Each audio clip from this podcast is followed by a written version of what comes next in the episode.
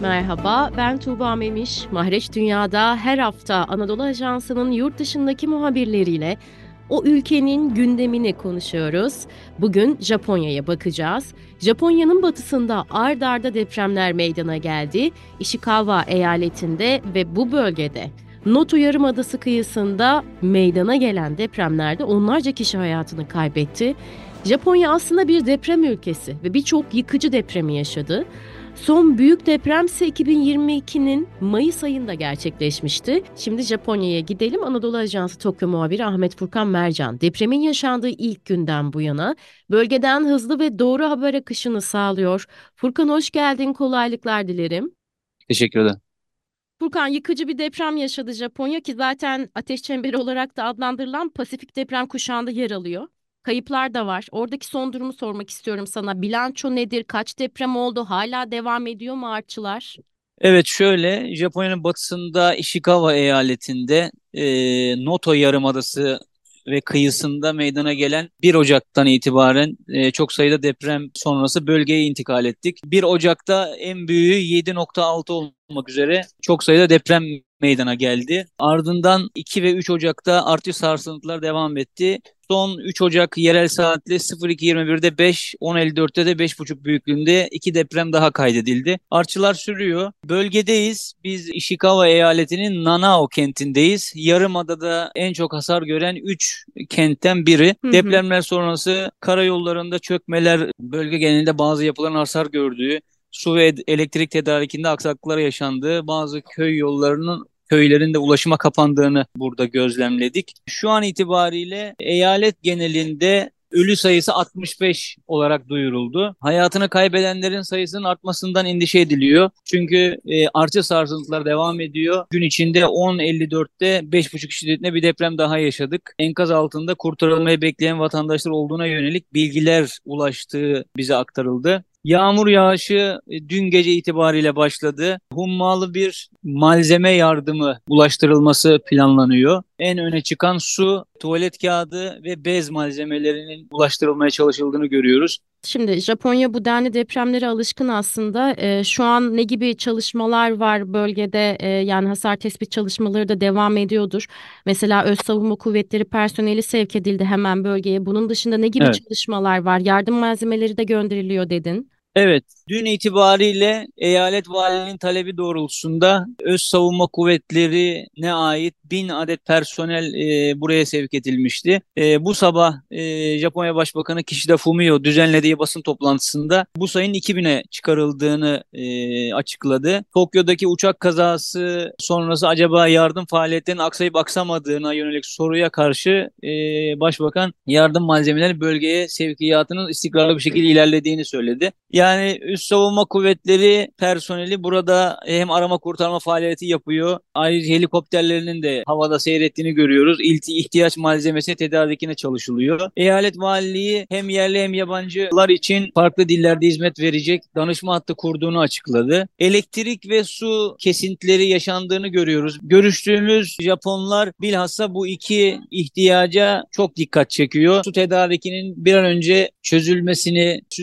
tedarikindeki sorunun bir önce çözülmesini e, talep ediyorlar. Ayrıca hastaların sigorta kartlarını ibraz edememeleri halinde de tedavi olmaları için tıbbi kuruluşlara Sağlık Bakanlığı talimat verdi. Bunun haricinde finansman desteği talep edildi. Ishikawa, etraftaki Fukui, Toyama, Niigata eyaletleri Japonya'daki afet yardım yasası kapsamında bölge genelindeki aşağı yukarı 50'ye yakın ilçe için hükümetten merkezi hükümetten finansman desteği talep etti. Noto Yarımadası'na en kolay e, ve en hızlı ulaşılabilecek yol Noto'daki havalimanı, yerel havalimanı. Bu havalimanında deprem sonrası bir pistte bir yarılma meydana geldi. 10 metreyi bulduğu söyleniyor. Onarım sürecine alındı ve bu hafta sonuna kadar bu pistteki yarılmanın çökmenin onarılması bekleniyor. Ayrıca yarımada Japon denizi ya da Doğu denizi e, ifadesiyle onun kıyısında bu yarımadadaki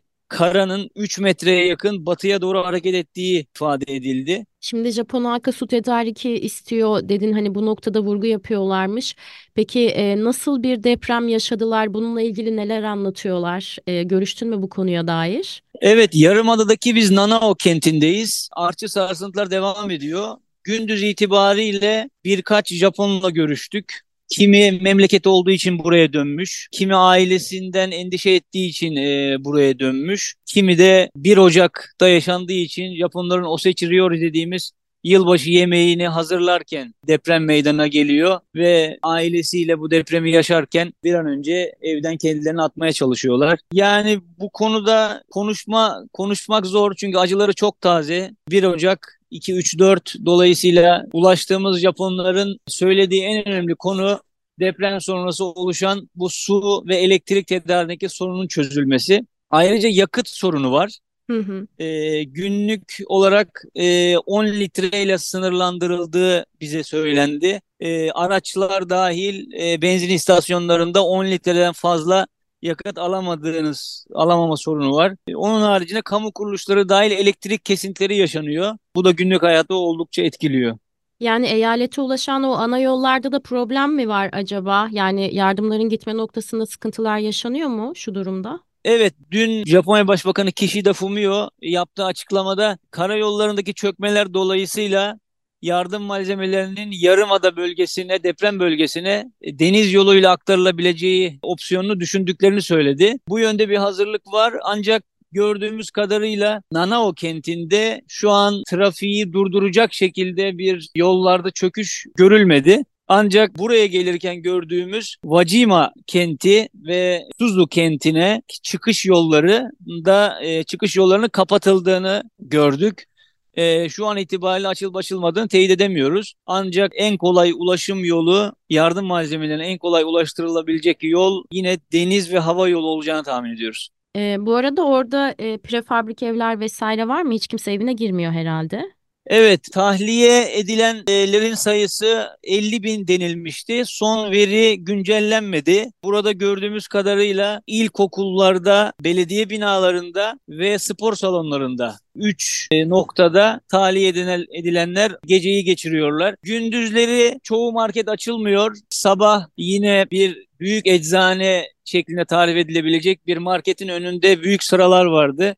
Orada görüştüğümüz Japon da aynı şekilde sabahın erken saatlerine geldiğini ve açılınca günlük ihtiyaçlarını su dahil e, günlük ihtiyaçlarını temin etmek istediğini söylemişti. Çünkü kombini dediğimiz yerel ve 24 saat açık normal şartlarda olan marketler şu an kapalı. Şu an e, Nanao kentinin e, belediye binası ve tren istasyonu arasındayız. Yani kentin en işlek noktalarından birindeyiz.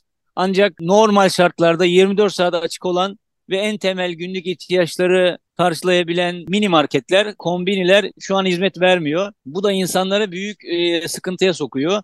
Şimdi biz de e, bir deprem ülkesindeyiz ama Japonya buna daha çok alışkın hani başta ifade ettiğim gibi. Mesela ben videolarda izlediğim kadarıyla deprem anının videoları sosyal medya mecralarında paylaşılıyor e, ve e, akışta şu an. Hemen Japonlar korunabilecek bir alana geçip sallantının sona ermesini bekliyorlar. Yani tabii tedirgin olunabilir ama bilinç önemli, bilinçliler. Japonların deprem bilinciyle ilgili sormak isterim sana. Nasıl bir bilinç hakim orada? Tamam şimdi depremden sonra sonrasını konuştuk ama e, bu konuda neler söylersin merak ediyorum Japonların deprem bilincine ilişkin. Deprem bilinci ilkokulda verilmeye başlanıyor.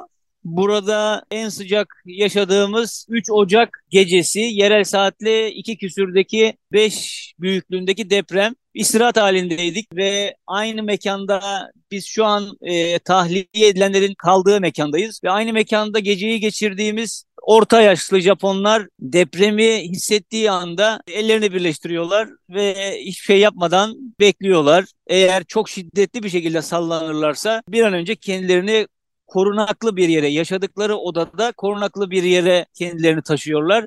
Japonların bizden farklı olarak e, gözlemleyebileceğimiz depremler burada hayatın gerçeği. Yani 5 5 ve 5,5 büyüklüğü altındaki depremleri biz e, haber malzemesi olarak da maalesef kabul edemiyoruz. Çünkü çok sayıda deprem meydana geliyor. Bildiğiniz gibi ada ülkesi. Biz de şu an bir yarım ada üzerindeyiz. Aşağı yukarı 2 Ocak'ta örneğin 1 Ocak'taki 7.6'dan sonra 2 Ocak gündüze kadar belki 30'a yakın 5 şiddetinde 5 ve küsür şiddetinde deprem meydana gelmiştir. Burada insanların binalardan endişe etmediği şeklinde bir gözlemimiz var. Ee, binaların yıkılabileceği ihtimalinden korkmuyorlar. Binanın yıkılmasının en basit tabirle bir kalemin yan yatması gibi tarif ediyorlar. Yani bina çökerek değil veya e, sallanıp parçalanarak yıkılma değil, olduğu gibi bir kalemin yan yatması gibi düşünün. Bu şekilde yıkılacağını tahmin ediyorlar. Dolayısıyla bina içinde bir yıkılma, bina yana yatsa da bina içinde bir yıkım çökme meydana gelmeyeceği için dolayısıyla alışıla gelmiş bir korkusuzluk demeyelim ancak alışıla gelmiş bir endişe etmeme durumu var. Burada bizim şu an bulunduğumuz kentte de Yüksek bina sayısı az. En fazla oteller, otel binalarını burada görüyoruz. Aşağı yukarı 6-7 katlı. Onun haricinde e, yerel inşa edilen binaların çoğu 4 katlı, 3 katlı ya da İkkodate, İkkenya dediğimiz 2 katlı, tek katlı müstakil evler. Yıkılmış binalarda ise ara sokaklara girdiğimizde görüntülerde de ajansın görüntülerinde de e, gözlemlenebilecektir. Yıkılmış binaların ise henüz reforma girmeyen eski tip binalar olduğunu görüyoruz.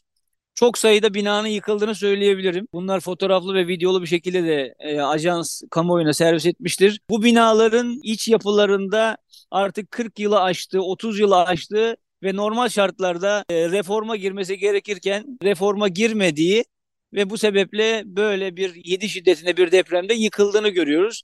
Ancak şu an bulunduğumuz kentte yüksek katlı ve yıkılmış bir bina şu ana kadar görmedik. Bunu söyleyebilirim. Evet değerli dinleyiciler, Japonya'nın batısında ard arda depremler meydana geldi dedik. Ishikawa eyaletinde ve Noto Yarımadası kıyısında meydana gelen depremlerde onlarca kişi hayatını kaybetti. Tokyo muhabiri Ahmet Furkan Mercan oradaki son durumu anlattı bize. Furkan çok teşekkür ederim aktardıkların için. Rica ederim. Hoşçakalın. Memnun oldum. Görüşmek üzere. Programı kapatma vakti geldi. Podcast yayınlarımızı X platformunda AA Ses hesabında paylaşıyoruz. Bizleri dinlediğiniz mecralardan takip etmeyi unutmayın efendim. Hoşçakalın.